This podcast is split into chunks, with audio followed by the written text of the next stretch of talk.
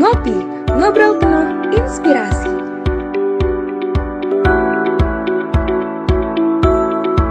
Dinamika Ekspatriat, episode Singapura. Halo, selamat malam Sobat Ngulik semua yang ada di rumah.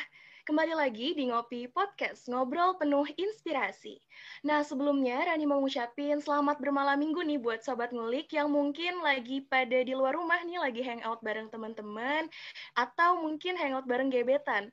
Nah, pokoknya walaupun Sobat Ngulik berada di luar rumah, tetap patuhi protokol kesehatan yang ada ya. Nah, untuk Sobat Ngulik yang gabut, bermalam minggunya bingung mau ngapain, rebahan aja, mending ikutin Ngopi Podcast pada episode kali ini yang tentunya bakal ngebahas dan ngulik-ngulik tentang uh, topik-topik yang menarik banget nih. Dan pada episode podcast kali ini, kita bakal ngulik tentang dunia ekspatriat episode Singapura. Oke, Sobat Ngulik. Selama beberapa menit ke depan, Sobat Ngulik bakal ditemenin sama aku, Rani, dan juga rekan aku, Dewi Fatmawati. Oke Rani, nah pada kesempatan kali ini kita kedatangan seorang narasumber yang tentunya keren banget ya Rani. Nah, hmm. beliau adalah Kak Erik Eka Putra yang merupakan seorang Vice President di Mitsubishi UFJ Financial Group. Nah, Kak Erik ini juga pernah menjabat sebagai asisten manajer di PT Bank CIMB Niaga dan juga menjabat sebagai manajer di PT Bank Permata. Wow, keren banget ya pastinya. Langsung saja ya teman-teman kita sapa narasumber kita kali ini. Halo Kak Erik, apa kabar? Halo Kak Erik. Hai Dewi, hai Rani, hai Sobat Ngulik semua. Apa kabarnya? Alhamdulillah baik. Gimana nih kabarnya Kak Erik? Wow, luar biasa. Happy, seger. Happy. Karena oh. udah buka, jadi oh, seger. Oh iya benar, udah buka ya Kak. iya benar. Nah, mungkin tanpa berlama-lama lagi kita langsung aja kali ya Kak. Uh, untuk uh, pertama nih Kak, boleh nggak sih Kak ceritain lebih jauh tentang Kak Erik? Mungkin dari educational background, kemudian perjalanan karir, dan aktivitas saat ini, serta sedikit personal life mungkin, Kak. Ah, oke. Okay. So, uh, by way of introduction, uh, nama saya Eric. Kita coba ngobrol lebih santai. Hmm. Um, educational background, um, of course sama dengan teman-teman semua, uh, teman-teman sobat mulik semua. Saya lulusan di, dari IPB, fakultasnya fakultas peternakan, tapi jurusannya itu sosial ekonomi peternakan. Mungkin sekarang udah nggak ada jurusannya, unfortunately. Mhm. Jadi um, saat itu uh, punya adik kelasnya cuma hanya satu angkatan, hmm. very sad. Terus um, lulus dari IPB, um, saya uh, start my, my my first career itu di CNB Niaga, betul. CNB Niaga itu mergernya Bank Niaga sama Lipo Bank mudah-mudahan pada tahu semua nih ya, yang pada anak-anak muda nih. Yeah. nah, uh, saya join di ODP-nya Bank CNB Niaga. Uh, start my, my career itu ditempatin dulu di daerah Palembang. Uh, masuk di departemennya business banking itu um, jadi uh, relationship manager untuk oke okay, achieve target, cari klien. So uh, that's the first job di Palembang nggak kenal siapa-siapa, tapi alhamdulillah lewat, selamat dengan dengan perjuangan yang luar biasa. Dua tahun di Palembang, ditarik ke Jakarta, jadi corporate banking, which is cita-cita dari zaman kuliah, dari zaman SMA, pengen jadi corporate banker. Pindah ke dia kemudian ada beberapa senior pindah ke Bank Permata, dia ajak kita saya diajak gue buat pindah, gue join um, sama jadi corporate bankers juga empat tahun di Permata, empat tahun di Niaga, terus pindah ke uh, eh, MUFG. Dulunya namanya Bank of Tokyo, mudah-mudahan ada yang recall. Of course, bank dari Tokyo, as simple as that. Terus dia ganti nama jadi MUFG. Um, sekarang total pindah dulu di MUFG Jakarta branch dulu. Setelah di Jakarta branch kurang lebih tiga tahun dan uh, diminta untuk um, tugas di Singapura. Itu kurang lebih dua tahun. Personal life, um, mungkin uh, sharing hobi aja. Um, saya um, benar-benar kecanduan sama yang namanya sepedaan. Hmm. Tapi sepedaannya bukan yang baru-baru karena COVID nih ya. Oh, iya, gue udah sepedaan udah lama banget, udah iya. udah sekitar empat tahunan lah sepeda. Jadi sebelum ngetren, sebelum banyak ada yang goes di jalan raya yang katanya bikin rame jalan, gue udah goes. oh di Singapura juga sepedaan ya kak?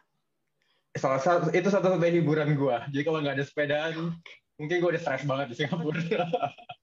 Benar. Oke. Okay. Wah, hebat banget ya Kak Erik ini. Dari awalnya dari Fakultas Peternakan IPB ke ranahnya anak ekonomi manajemen. Mantap pokoknya. Latihan Kak. Keren banget. Mungkin teman-teman sobat ngulik di sini itu ada yang sering dengar MUFG itu apa tapi belum paham sekali uh, mengenai MUFG. Nah, uh, pertanyaannya itu MUFG itu sebenarnya apa sih Kak? Terus seperti apa perbedaannya atau mungkin sama aja ah. sama yang di home country atau host country-nya di Singapura? Oke. Okay.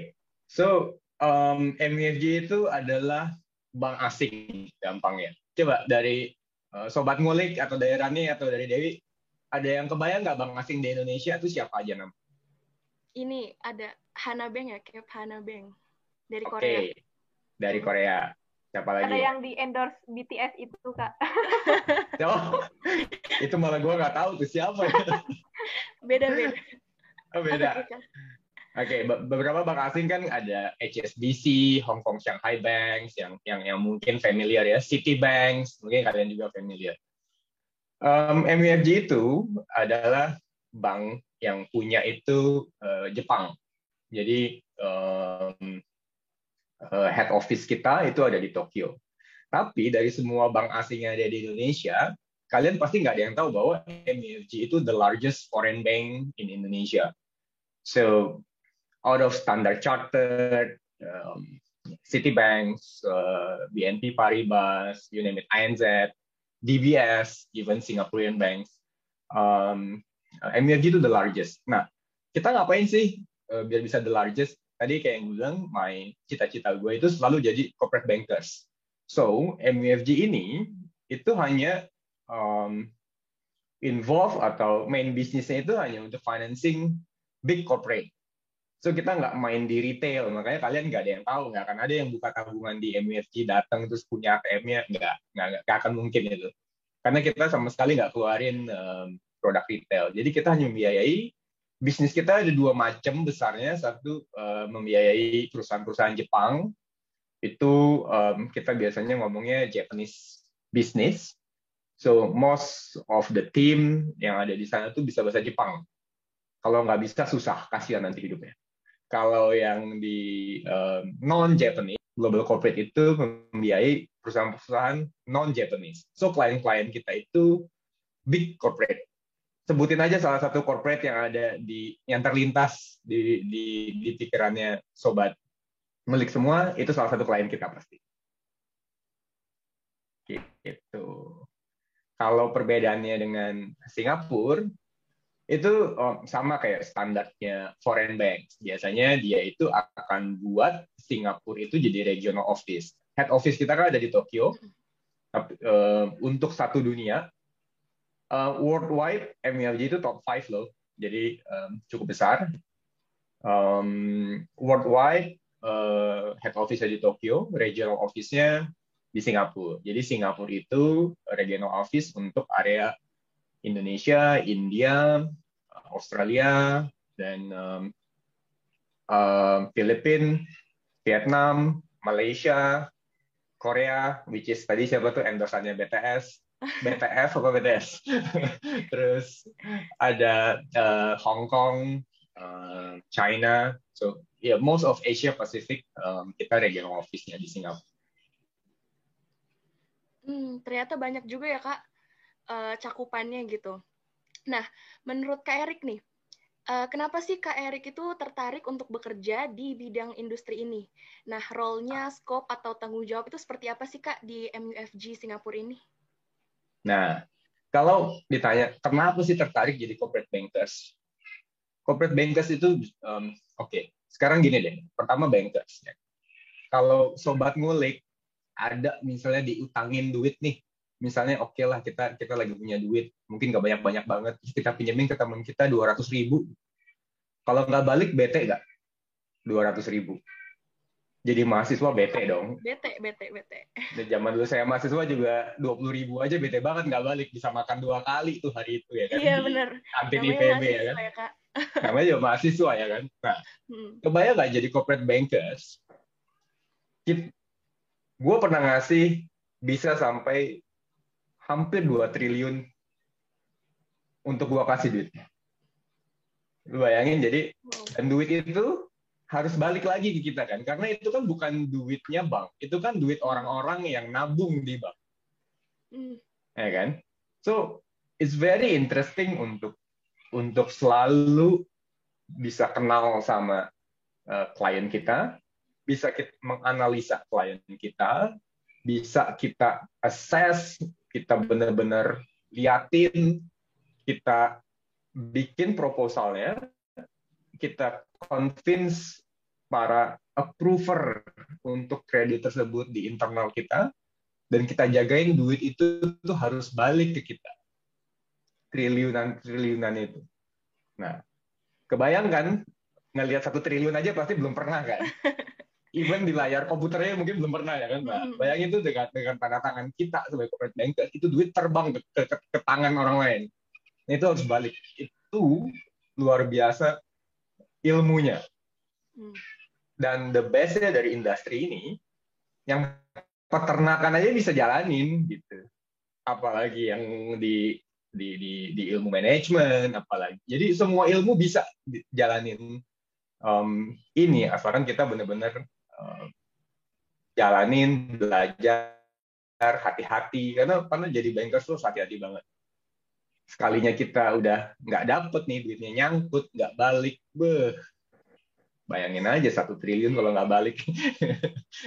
dua puluh ribu aja bete dua ratus ribu aja bete. Nah itu tuh kenapa gue bener-bener um, passion banget jadi corporate bankers. Selain ketemu relationnya banyak teman-teman baru yang nambah terus satu hari bisa aja nambah satu orang temen susah kan nyari temen Nah, ditambah lagi artnya jadi corporate bankers itu selalu ada. Ya mungkin banking uh, nggak terlalu diminati anak-anak muda zaman sekarang karena industri kuno, industri banyak aturan, mesti hati-hati, nggak dinamis, nggak santai. Tapi uh, believe me, itu artnya nggak akan pernah mati deh kalau corporate bankers.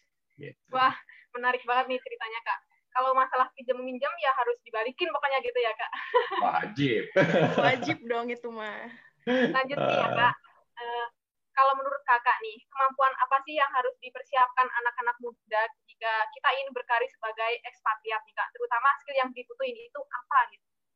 Nah skill honestly kalau kita ngomong Singapore edition ya um, memang banyak uh, expat di sini atau mungkin kita ngomong uh, Indonesian di sini itu lebih ke arah spesialis. Spesialis dalam artian IT, arsitek, itu banyak. Tapi knowing anak peternakan kayak gue, yang satu gedung cuma gue kayak yang peternakan. Jadi kalau ditanya tuh gue selalu capek gue tuh lulusan mana. Itu bisa kok nyampe di sini. Artinya kan nggak ada scientific yang yang yang yang mengharuskan lu untuk uh, bisa baru lu bisa ke ke ke luar negeri atau jadi expert. Nggak juga. Jadi kenapa gue bisa jadi expert? Karena um, yang pertama oke okay, kita jawab skill ya dulu. Skill paling basic yang pertama yang gue mungkin nyesel itu kalian bahasa Inggrisnya jangan average bahasa Inggris dari dari muda usahain se-advance mungkin. Don't be just average yang yang yang oke okay, lu bisa dapat A gitu. Enggak, enggak. Itu enggak kepake buat tinggal atau buat kerja. Jadi lu usahain English itu udah jadi daily life lu. Jadi bacaan lu bahasa Inggris, ngomong bahasa Inggris, ngomong dalam hati bahasa Inggris, usaha orang bilang lu kebule-bulean apa kayak segala macem nggak usah dipikirin. Itu yang pertama dulu lah biasanya karena kalau lu tinggal di luar negeri gimana caranya nggak bisa bahasa Inggris ya kan? Yang kedua um, coba nanti ketika lulus aim untuk kerja di multinational company. Jangan kerja di lokal. Karena kalau di lokal ya mau paling pindahnya juga keluar Jakarta ke pulau-pulau Indonesia aja kalau pun pindah. Coba untuk kerja di perusahaan-perusahaan asing. Kalau bank ya bank asing, kalau um, uh, perusahaan sektorial kayak Unilever itu banyak tuh anak Unilever di sini. Um, banyak teman-teman dekat uh, gue di sini juga anak-anak Unilever, anak Johnson Johnson. So try untuk kerja atau aim untuk kerja di um, perusahaan asing. Kalau kepingin jadi expat, skillnya generalis bisa, gue dari peternakan bisa, nggak ada spesifik skill yang yang harus lu bisa baru lu bisa apply ya. Gitu. Jadi sebenarnya intinya harus passionate aja ya kak kalau misalnya menjalani suatu hal gitu ya. Yes passionate sama gue agak nyesel kelamaan di bank lokal. Mungkin kalau gue hmm. tahu nih opportunity-nya gede ketika di bank asing gue langsung apply dari awal bank asing. Cuma waktu itu awal-awal kerja sorry bahasa Inggris gue average to be honest. Jadi jadi uh, beberapa bank asing yang gue apply waktu itu malah gue gak keterima so um, ya gue akhirnya ke CIMB Niaga. CIMB Niaga itu kayak half local half asing lah. Jadi nggak nggak yang lokal lokal banget tapi nggak asing asing banget juga. Iya yeah. benar banget. Nah mungkin lanjut ya kak. Kalau misalnya kita ngomongin sekarang nih kan kondisi pandemi banyak banget perusahaan-perusahaan yang udah nerapin work from home ya kak. Nah kira-kira hmm. di tempat uh, kakak bekerja sekarang nih shiftingnya gimana sih Kak dari sebelum pandemi dan sesudah pandemi? Mungkin boleh cerita juga impact di bisnisnya itu seperti apa Kak? Uh, kalau pandemi, of course semua orang struggling. Hmm. Um, di Singapura, very strict.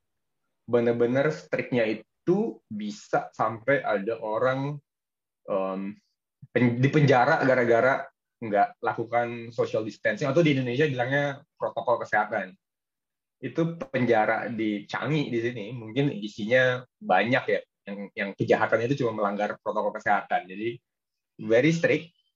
Um, ya kalau penjara di Indonesia mau penjara di Singapura disuruh berantem sih lima menit udah mati semua penjara di Singapura. Karena kriminal itu ya kayak gitu-gitu. Terus im, um, suasana kerja tough banget di awal karena um, ketika COVID ada di sini kita juga baru setahun di sini nggak biasa kerja dari rumah, nggak biasa tinggal di apartemen, biasa tinggal di rumah, ya kan? Nggak ada persiapan untuk punya meja kerja, jadi kerja dari meja makan, laptop juga kantor belum punya laptop sendiri, susah banget. Terus namanya kerja di bank, kayak tadi kita menganalisa face to face meeting itu critical, berubah jadi jadi jadi virtual meeting itu struggling karena kita biasa dealing dengan paperwork yang banyak. Tapi ya mau nggak mau udah tuh tahun jalan juga. Unfortunately banking eh bukan unfortunately sih banking itu salah satu essential business di Singapura. Jadi kita tetap masuk selagi masa pandemi. Cuman um, benar-benar ketika lockdown kita hanya diperbolehkan 20% ketika um, kita namanya phase 2 di sini itu udah boleh 50% kemudian kita sempat enter phase 3, bisa 75% masuk di kantor, hampir menjadi new normal, tapi uh, unfortunately case-nya the past one week ini cukup banyak gara-gara virus uh, varian baru yang dari India juga udah mulai ada di sini. So kita balik lagi ke phase 2 sekarang. Nah, um, kondisinya sih sekarang udah mulai oke okay lah, kita udah mulai terbiasa kerja dari rumah impact COVID ke banks very bad karena balik lagi yang kita kasih pinjam kan perusahaan-perusahaan ya. Kalau perusahaannya kena impact COVID, akhirnya dia bisnisnya mampet, ujung-ujungnya nggak bisa bayar utang deh. Sama aja kayak teman kan, wah sorry belum bisa bayar nih, soalnya um, lagi butuh duit atau duit lagi lagi nggak dateng nih. Ya itu impactnya iya. cukup signifikan. Gitu. Wah, ngaruh banget ya nih gara-gara pandemi terus perusahaan juga dituntut berubah untuk menyesuaikan kondisi. Cuman bedanya kalau di Singapura itu sangat strict peraturannya, tapi kalau di Indo malah boleh wisata tapi nggak boleh mudik gitu. iya, sampai Waduh. update terus beritanya, sampai pusing sendiri. Ya. Oke, lanjut nih Kak menurut kakak itu kondisi tersulit yang mungkin bisa ditemui di pekerjaan saat ini tuh apa? Terus tantangannya apa selama bekerja sebagai ekspatriat? Nah, So role gue di sini tuh um, first role, jadi gue ada beberapa role nih ceritanya. First role gue tuh jadi country coordinator. Jadi kayak tadi Singapura regional office. Um, saya di, di di Jakarta dulu jadi uh, marketing. Di sini pindah jadi country coordinatornya. Jadi semua uh, deal yang tadi triliunan, miliaran untuk diaju itu harus dapat approval dari regional CEO di sini. Nah, regional CEO ini um, gue yang koordinir semua dealnya, gue assess, gue present ke mereka, dapetin approval dari mereka. Oke, okay? terus di Indonesia ketika gue ditunjuk di assign untuk um, kerja di sini itu menjadi country coordinatornya Indonesia. Obviously untuk jadiin edit value buat Indonesia. Jadi urusin deal-dealnya Indonesia, ya kan?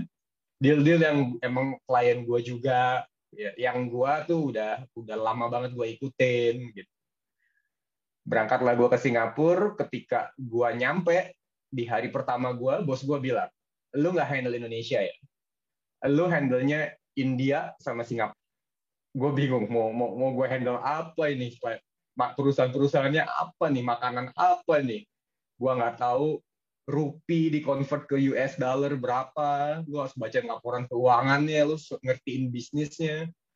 Tipikal India, tim India nih, kayak kan mereka kan demen ngomong.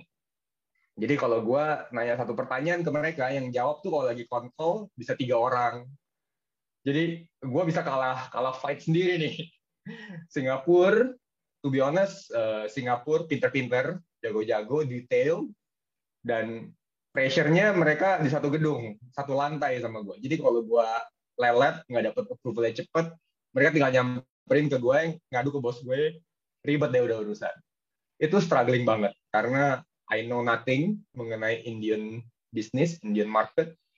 I know nothing about the Singapore market. Ya Singapore market sedikit-sedikit tahu lah, tapi nggak yang setahu itu juga lah, ya kan? Karena kita nggak pernah prepare untuk hal itu.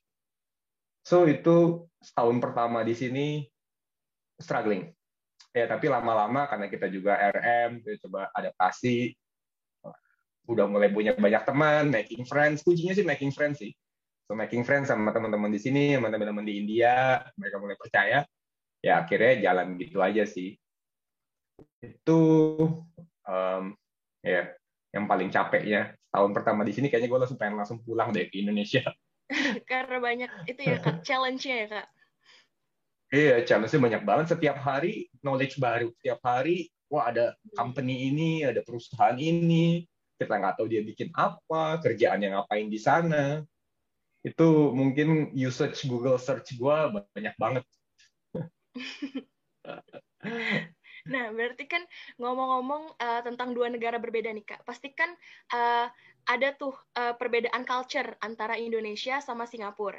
Nah, kira-kira hmm. dalam bekerja dalam tim ataupun pengelolaan pekerjaan itu perbedaannya apa sih Kak di antara Singapura sama Indonesia? Oke, okay, perbedaan yang paling signifikan di Singapura itu lebih individualis. Hmm. So, kita kerja fokus, serius, kita makan siang, hmm, kita nggak ada tuh. Kalau di Indonesia kan jam mungkin jam sebelasan grup udah rame. Makan siang di mana bro? Makan siang di mana nih? Jangan lah jangan di sana jangan di sini. Wah itu pilih makan siang aja ribet banget. Nah, itu mungkin jam sebelas kalau di sini enggak jadi kita kalau mau makan sama orang lain kita harus tanya dari jauh-jauh hari bikin appointment. Hmm. itu jadi kerjanya lebih individual. Bener-bener individual performance lo dilihat gimana lo manage kerjaan lo gimana lo deliver kerjaan lo itu you are on your own Eh, mereka di sini very efficient. Datang, nggak pakai ngobrol, kerja, prioritasin kerjaan mana yang mereka selesaikan duluan. Cara mereka menganalisa itu detail, mereka tahu sampai ke sedetail-detail dalam-dalamannya perusahaan tuh mereka tahu, mereka kenal, mereka bisa present dengan bagus dan um, mereka punya um, kalau gue lihat knowledge untuk global knowledge-nya lebih bagus. Gitu. Jadi ya mungkin karena Singapura kecil kan. So orang-orang Singapura itu global knowledge-nya somehow lebih bagus. Jadi um, untuk sobat ngulik nih, untuk ke depannya tuh bisa dicontoh juga uh, perbanyak global knowledge. Uh, local knowledge ya, uh, political oke, okay, tapi global knowledge ternyata bermanfaat banget ketika kerja di luar. So itu itu signifikan uh, perbedaannya. Sisanya sih, I think orang-orang Indonesia juga um, etos kerjanya juga bagus. Cuman kalau di luar kantor, obviously orang-orang sini jauh lebih nurut daripada orang-orang di Indonesia karena takut, karena um, takut didenda. Karena di sini apa-apa denda bayar, denda bayar. Iya benar kak. Iya, gua aja pernah didenda bahkan. Oh iya. iya, iya. Tuh, salah satu one of my family. Um, padahal kita ya dia tuh lagi, lagi uh, one of my family lagi lagi uh, sepedaan. Um, tapi saat itu aturannya hanya boleh sepedaan dengan orang yang tinggal di rumah. Padahal dia sepedaan jauh-jauhan. Nah, tapi emang protokolnya ketat banget. Walaupun jauh-jauhan, kayaknya dia bisa baca kali ya. Udahlah pegap ya. Akhirnya didenda deh. Itu lumayan banget didendanya nggak nggak berani nggak bayar. Harus bayar. Iya bener. Taat banget so, ya kak sama peraturan berarti ya. Betul daripada didenda kan mendingan nurut. Gitu. iya benar uh, dari budaya mereka itu jadi kita bisa niru nih kalau kita itu harus fokus terhadap apa yang harus dikerjakan. Nah, lanjut nih Kak. Uh, suka dukanya menjadi ekspatriat itu apa sih Kak? Dan apakah Kakak akan kembali ke Indonesia lagi atau uh, sampai pensiun lebih memilih jadi ekspatriat Kak? Boleh diceritakan. Oke, okay, suka duka ya, gue selalu percaya harus lebih banyak sukanya daripada duka ya. Kita start yang lebih sedikit aja kalau dukanya sih cuman paling awal-awal nyampe di sini kaget biasa naik mobil terus tiba-tiba harus sekarang panas-panasan jalan kaki ya kan? Terus um, naik bus uh, well naik bus naik MRT-nya sih enak banget di sini. Cuman ya um, ya kan kan sekeluarga juga berangkat nih ke sini. Jadi biasanya kita tinggal masuk mobil anak-anak duduk santai. Ini kita mesti ngangkut-ngangkut naik bus bawa gembolan itu itu awal-awalnya tough banget. Terus kita um, ya oke okay, di Indonesia kan kita banyak bantuan ya kalau di rumah. Ada helper yang bisa banyak um, ya kita bisa ada helper bisa minta tolong bikinin ini bikinin itu. Ya di sini nggak bisa punya helper. Kalaupun bisa mereka mau tidur di mana? Kita kan juga ya kalau di Indonesia kita tinggal di landed house. Kalau di sini kita tinggal di apartemen which is jauh lebih kecil. Itu tough banget di awal-awalnya, um, super tough. Tapi lama-lama ya itu sih cuman um, biasain diri aja, paling tiga bulan, sisanya sampai sekarang sih banyakkan sukanya. Karena di sini aman. Oh dukanya lagi, gue lama banget nggak dengar azan, gila juga tuh. karena gimana mau denger ya, akhirnya cara gue dengar azan ya cuman karena soal Jumat sama uh, gue kalau sepedahan di weekend itu gue berangkat jam 4 pagi. Jadi berangkat jam 4 pagi karena di sini aman kan. Itu kan the best di sini tuh aman. Jadi mau sepedaan jam berapapun itu aman. Jadi jam 4 pagi kita biasanya sama teman-teman sepedaan kita uh, breaknya itu di masjid. Jadi bisa sholat subuh rame-rame tuh. Jadi itu seru banget. Jadi weekend tuh malah gue dengar uh, azannya malah bisa sholat subuh di jalan lagi sepedaan sisanya udah sisanya tinggal suka semua deh lebih aman lebih fun um, lebih uh, health conscious lebih banyak jalan sekarang kalau balik ke Indo mungkin ya punya mobil apa enggak ya kayaknya kalau misalnya pulang ke Indo ya kayaknya enakan naik ya sebenarnya di Indo gue juga naik public transport sih kalau harian ke kantor. Terus sisanya jauh banyak sukanya. Iya dukanya adalah unfortunately di covid ini kita nggak bisa pulang. Semua tiket angus nggak ada nggak ada yang kepake. Jadi um, iya iya nggak bisa nggak bisa visit orang tua. Terus akhirnya ada one of my family juga yang pass away nggak bisa nggak bisa ketemu ya itu sedihnya. Sisanya sih ya kangen-kangennya juga udah lupa karena tiap minggu video call jadinya kan. Terus atau seminggu bisa dua kali video call sama orang tua. Jadi updated banget. Ya kalau disuruh milih mau stay atau mau pindah um, gue akan pilih mungkin stay sih.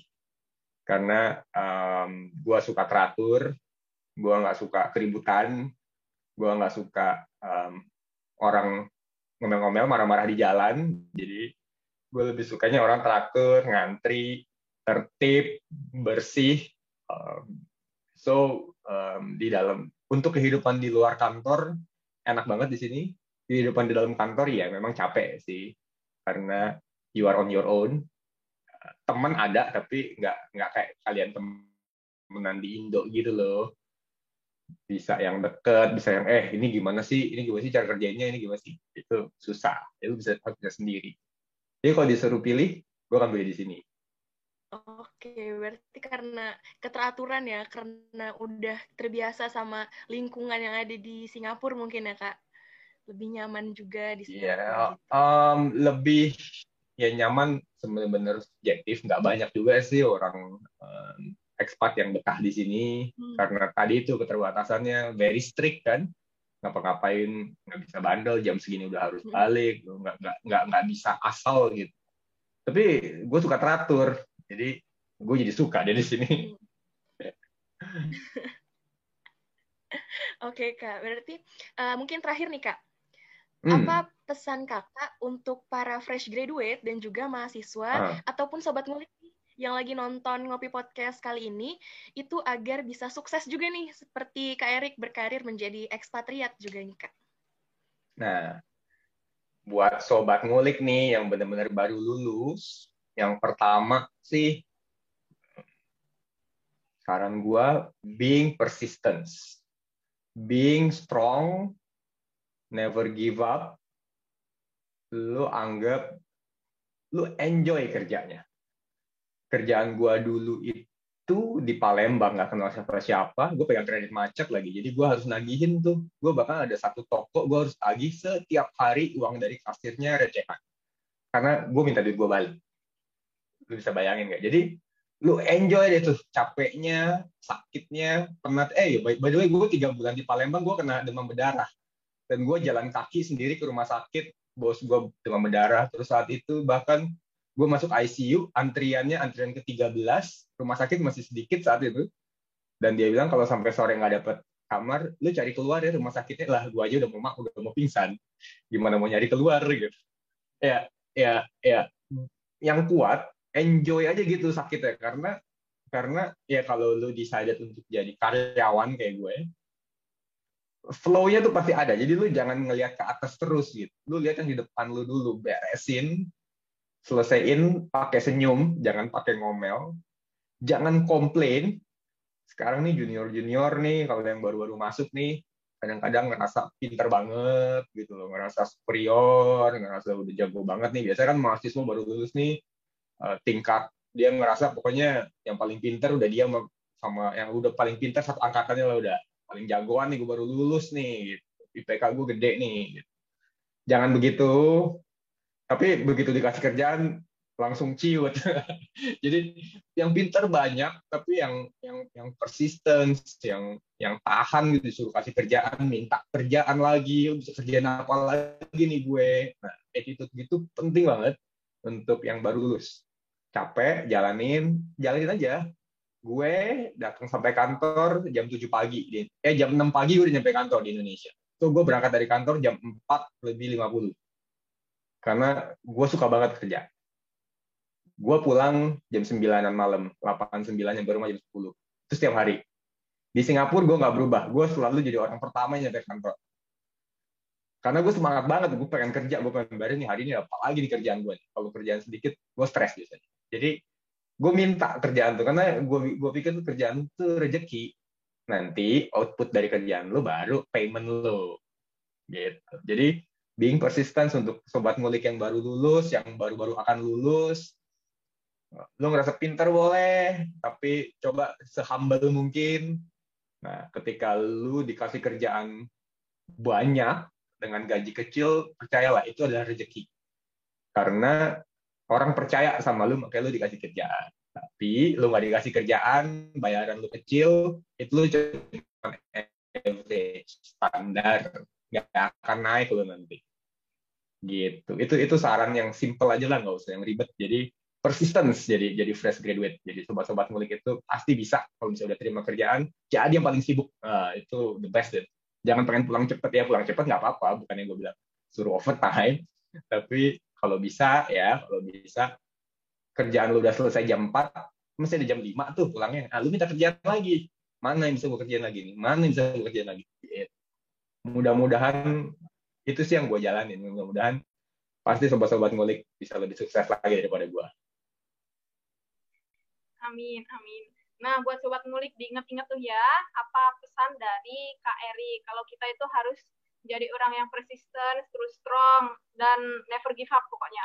Oke nih Rani kita udah dapat ilmu banyak banget ya tadi Rani Hmm, bener banget deh, udah dapat banyak banget. Tadi kita dapat bang, uh, dapat banget skill-skill nih, skill-skill yang harus dipersiapin anak muda. Itu kita harus bersiap bahwa uh, bahasa Inggris nih terutama kemampuan bahasa Inggris kita tuh nggak boleh average aja. Jadi kita harus bisa advance juga se advance mungkin uh, dari kuliah dari perkuliahan. Dan kita juga uh, local knowledge itu penting tapi tapi perkayalah diri kita dengan global knowledge itu tadi ya kak. Dan satu hal yang perlu di highlight juga nih sobat ngulik bahwa kita dalam melakukan suatu hal, suatu pekerjaan itu harus be passionate gitu. Gitu deh. That's true. Hmm. Okay. Sebelumnya, oh iya, terima kasih uh, banyak buat buat Kak Erik udah meluangkan waktunya untuk sharing-sharing bareng kita semua, sobat ngulik semua. Terima kasih banyak nih Kak. Ya, makasih banyak Kak. Terima kasih ya udah di-invite nih ke podcast ngopinya. Keren banget. Thank you ya, sobat ngulik semua udah dengerin. Mudah-mudahan nggak ngantuk, mudah-mudahan nggak bosen. Dan mudah-mudahan lebih sukses lagi daripada gua. Itu yang paling penting. Amin. Oh iya, buat sobat ngulik nih, jangan lupa buat nonton terus tayangan Ngopi Podcast di YouTube-nya Center of Management karena di situ ada banyak banget podcast dengan berbagai episode dan topik-topik yang menarik. Atau bisa juga kalian dengerin di Spotify-nya Future Star IPB. Oke, sekian Ngopi Podcast episode kali ini. Buat Sobat Ngulik, tetap jaga kesehatannya ya, karena pandemik tentunya belum berakhir. Hmm. Sampai bertemu di episode selanjutnya. Sampai jumpa. Dadah. Dadah, happy weekend. Bye-bye. Happy Bye. weekend. Terima kasih untuk Sobat Ngulik yang udah ngedengerin Ngopi Podcast kali ini. Dan jangan lupa untuk tetap stay tune di Ngobrol Penuh Inspirasi selanjutnya. Bye-bye!